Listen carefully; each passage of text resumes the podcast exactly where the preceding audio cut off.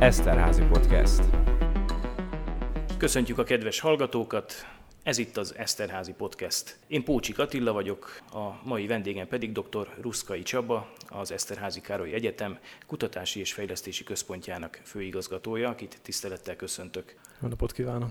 Az egyetemre a laikusok mindig oktatási intézményként tekintenek, talán el is felejtik, hogy kutatással is foglalkozunk, de ugye a központ neve is adja, hogy nagyon komoly kutatómunka zajlik. Miért fontos ez? Hát egyrészt kutatómunka is zajlik, tehát tudományos kutatás, illetve szakmai kutatás és egyéb kapcsolódó tevékenységek, valamint szolgáltatásokban is egyre inkább már benne vagyunk. Tehát ez egy több éves, lassan évtizedes rutin az, hogy mi a, a piacra szolgáltatunk és különféle gazdasági partnereink vannak azokban a témákban, amelyekben mi tevékenyek vagyunk. Hát egyrészt azért fontos, mert ezáltal hitelesebbek vagyunk az oktatás területén is. Tehát, hogyha mi a gyakorlatban ezt át tudjuk fordítani közvetlenül az itt lévő szellemi kapacitást, illetve eszközkapacitást, az visszaköszönhet, meg vissza is köszön az oktatásban oly módon, hogy a gyakorlati képzés feltételeit jelentősen javítja, illetve az oktatók hitelességét is jelentős mértékben emeli. A másik pedig az, hogy az egyetemen rengeteg olyan kapacitás van, amelyet lehet hasznosítani az itt lévő céges világ számára. Nyilván ez le, ezek lehetnek gazdasági társaságok vagy egyéni vállalkozások, tehát a paletta az eléggé széles, illetve eléggé fejlett ennek a gazdasági környezete. Tehát ezeket a kapacitásokat hatékonyan tudjuk bevetni a gazdaság szolgálatába. Ez egy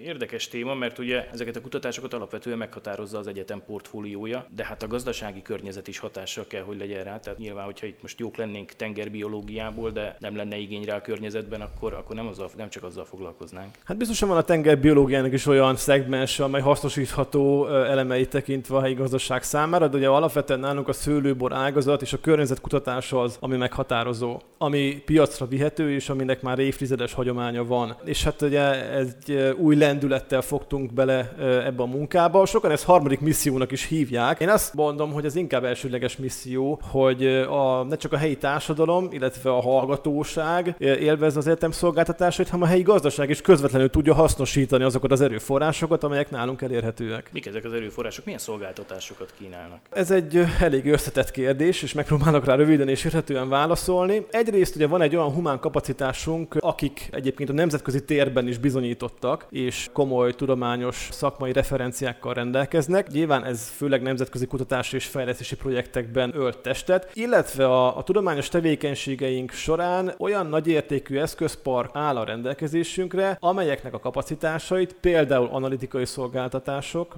vagy ha a humán erőforráshoz kötjük, akkor szaktanácsadási szolgáltatások a helyi piac szereplő is igénybe tudnak venni. Szóba került az előbb a szőlőborágazat, nyilván ez az egyik elsődleges. Ez, ez hogy néz ki, hogy jön egy szőlőtermelő, vagy egy, egy bortermelő, és akkor behozza a borát, és azt megvizsgálják, hogy hogyan lehet jobb? Akár, igen. Tehát az, hogy hogyan lehet jobb, nem mindig ez a kérdés, hanem csak, hogy ami elkészült most vagy éppen már bor, az milyen fizikai paraméterekkel rendelkezik, bizonyos alkotó tényezők, esetleg egészségügyi határ határértéket elérnek, vagy éppen nem érnek el, amely, amely fontos lehet majd a piac számára, illetve a bortisztaság számára. Ezek ilyen rutinszerű vizsgálatok, amelyeket már mondjuk legalább 5 éve csinálunk, ez a WineScan szolgáltatásunk, és hát azt el tudom mondani, hogy a, az egri borvidéken egyed uralkodóak vagyunk ezzel a szolgáltatással, hiszen olyan berendezés áll a rendelkezésünkre, amely országos viszonylatban is csak kevés helyen érhető el. Ütöm még ezt a vasat. Nyugodtan. Emellett milyen szolgáltatások érhetők el, mondjuk a, a szőlészeknek, borászoknak? Szőlészeknek, borászoknak emellett a, a boranalitikai vizsgálatok mellett egyébként a profil vizsgálat is elérhető,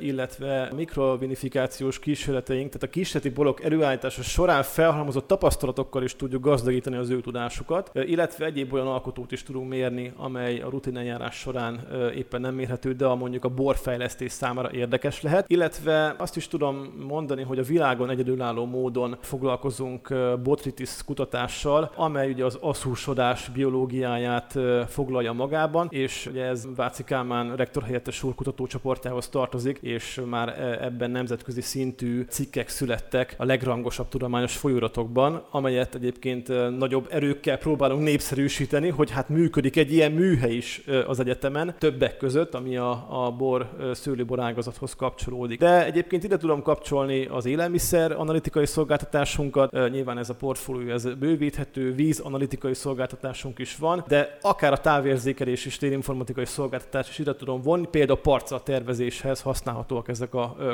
szolgáltatások, vagy ültetvény megfigyeléshez. Sőt, kísérleti ültetvényeket is tartunk fenn, tehát különböző növényvédő szer előállítók, vagy növénykondicionáló szer előállítók számára is végzünk kísérleti ültetvény alapú szolgáltatásokat, mint például a BASF, vagy az Aravis Kft. vagy a Bayer. Erre az ültetvényes parcella tervezésre egy kicsit visszakanyarodnék. Itt akkor gyakorlatilag meg lehet vizsgálni azt, hogy abba a dűlőbe mennyi mondjuk a napsütéses órák száma, vagy nem tudom, a talaj, és akkor meg tudják mondani, hogy oda milyen fajtát érdemes telepíteni. Most teljesen laikusak a kérdéseim. Hát a fajta ajánlatokat is tudunk tenni. Tehát nyilván ez tematikus térképek szükségesek, amelyek ugye elérhetőek különféle adatbázisokból, és hogyha kirepül a drón, felveszi a területet, abból készül egy ortofotó, magyarul légi felvétel, annak a beesési szöge, domborzati jellege, az felvihető akár 3D modellben is, és lehet olyan ajánlatokat tenni, vagy ajánlásokat tenni, hogy oda mondjuk mely magyar fajta illeszkedik a legjobban, hogyha mondjuk a hosszú távú klímaadatokat is ebbe belevesszük, illetve mondjuk talaj analitikai mérésünk is van az adott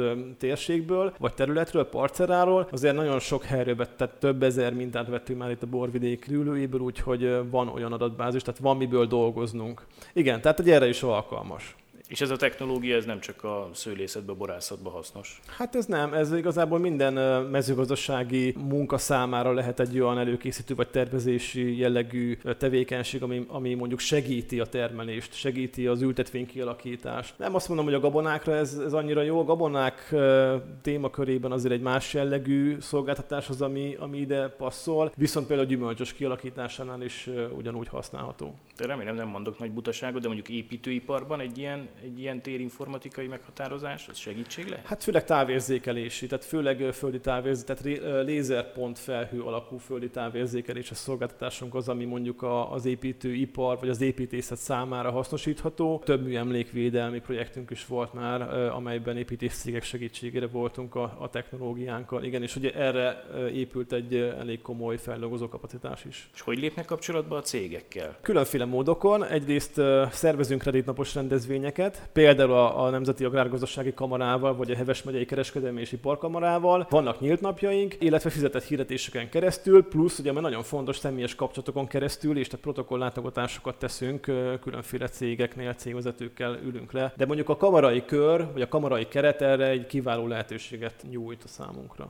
Nyilván a kapcsolati háló az mindig fejleszthető, de hogy állnak most? Van egy ilyen ügyfél nyilvántartó rendszerünk, csúnya szóval CRM rendszer, ezt ugye szokták vállalati környezetben emlegetni, meg használni is. Itt már azért ezres nagyságrendű partnerségünk van, és hát ezt a mostanában kezdjük igazából egy ilyen együttműködési erőre ébreszteni, mert nagyon sokan bejönnek rutinszolgáltatást igénybe venni, de komoly a fejlesztési vagy kutatási szolgáltatásokban még viszonylag kevés előrelépésünk van. Nem azt mondom, hogy nincs, mert van, van ilyen portfóliónk, csak itt még azért bőven van arra lehetőség, hogy bővítsük ezt a szolgáltatási utat, mondhatom is, vagy, vagy szolgáltatási területet, mert azért itt még vannak kapacitások. Nem árulok el talán nagy titkot, hogyha azt mondom, hogy a, a kutatás hasznosítási irodából létrejött innovációs osztálynak ez is az egyik fő feladata talán itt az egyetemen, hogy ezeket a szolgáltatásokat piacra vigye, vagy segítse a piacra lépést. Abszolút, illetve összefogja azokat a intézményi egységeket, ahol valamilyen szolgáltatás megfogalmazható, valamilyen kapacitás hasznosítás megfogalmazható. Igen, tehát hogy az innovációs osztály ezért is jött létre, hogy ezeket a folyamatokat támogassa, illetve az egyetemen május 26 én alapult egy terület innovációs platform a Nemzeti Kutatásfejlesztés és Innovációs Hivatallal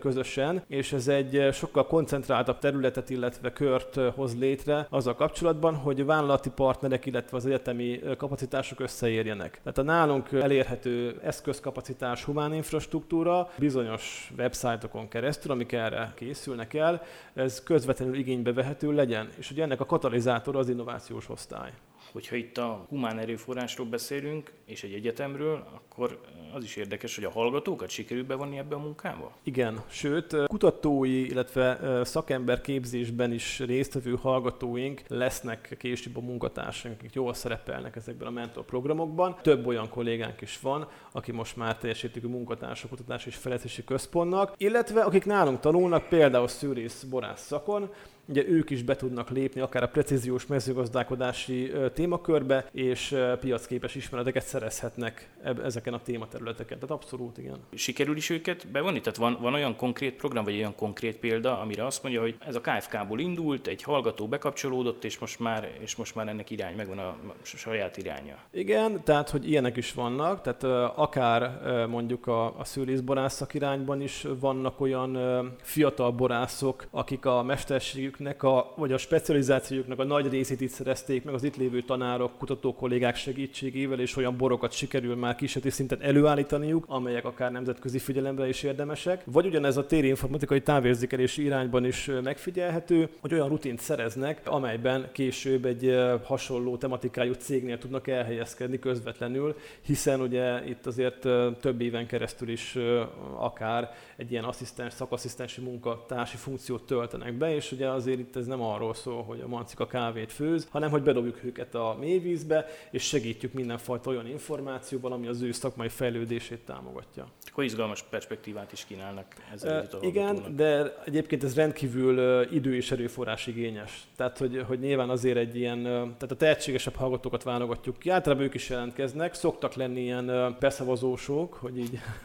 napra, kész, napra készen tartsam ezt a szöveget. Nyilván nem ez a lényeg, hanem, hanem az, hogy valóban tehetséggondozás történjen meg. Nem csak címkézések ezek, hanem kollégákhoz rendelt hallgatók, akiknek a munkaidőknek a nagy részét azzal töltik, hogy ezeknek a kollégáknak a pályakövetését, tehát az itteni különféle feladatait követik, illetve segítik, kérdésük van, akkor válaszolnak rá, és mondjuk heti rendszerességgel szerveznek olyan tanácskozásokat, ami az ők szakmai fejlődéseket támogatja, tehát visszajelzéseket kapnak a munkájuk minőségéről, kiasztják számukra a feladatokat, bekérik az eredményeket, kimennek terepre, adatokat dolgoznak fel. Tehát, hogy, hogy ez egy abszolút testközeli mentorprogram, tehát itt, itt mondjuk a Covid az nyilván közbeszólt ebbe, tehát hogy sajnos akkor nem nagyon lehetett akár terepre járni, vagy, vagy labormunkákat végezni hallgatókkal, csak különféle tehát speciális esetekben. Viszont előtte, illetve már talán most is így a felszabadulás után megint elindulnak ezek a, ezek a mentorálási tevékenységeink, viszonylag kevés számú hallgatóval, mert csak kevés számú hallgatóra tudunk odafigyelni. Ezért is a legjobbak kerülnek be hozzánk.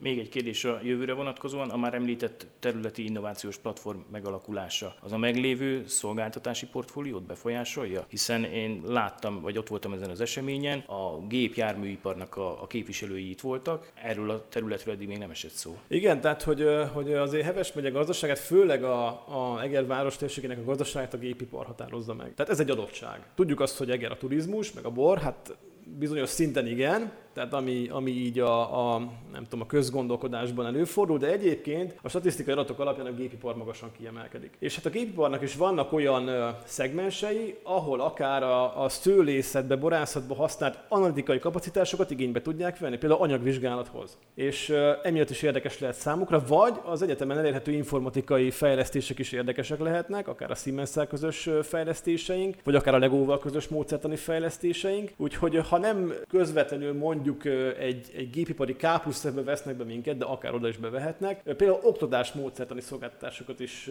vehetnek igénybe az egyetemtől, amelyek mondjuk az adott szakembergárda kiképzését, továbbképzését segítik. Úgyhogy ez egy széles a paletta. Hát van még ennek kifutása ennek a történetnek. Abszolút, tehát ezen dolgozni is kell. Profilokat le kell tisztítani, tehát hogy jól értsék azt, ami itt elérhető szolgáltatások szintjén, illetve hát nyilván trenírozni a kollégákat is arra, hogy a piac felé is forduljanak. De hát ugye ezek, ezekhez kapcsolatban megfelelő szabályzók szükségesek, megfelelő keretek szükségesek, hogy tudjuk értelmezni ezeket a piaci kihívásokat, eleget tudjunk tenni a szolgáltatásoknak, és ehhez kapcsolatban minden olyan adminisztrációs tevékenységet is időben és minőségben el tudjunk végezni, ami, amit ugye megkövetel a szabad piaci működés. Sok erőt és sikert kívánok ehhez a munkához. Dr. Ruszkai Csabának köszönöm szépen, hogy itt volt. Ez volt az Eszterházi Podcast. Hallgassanak minket legközelebb is.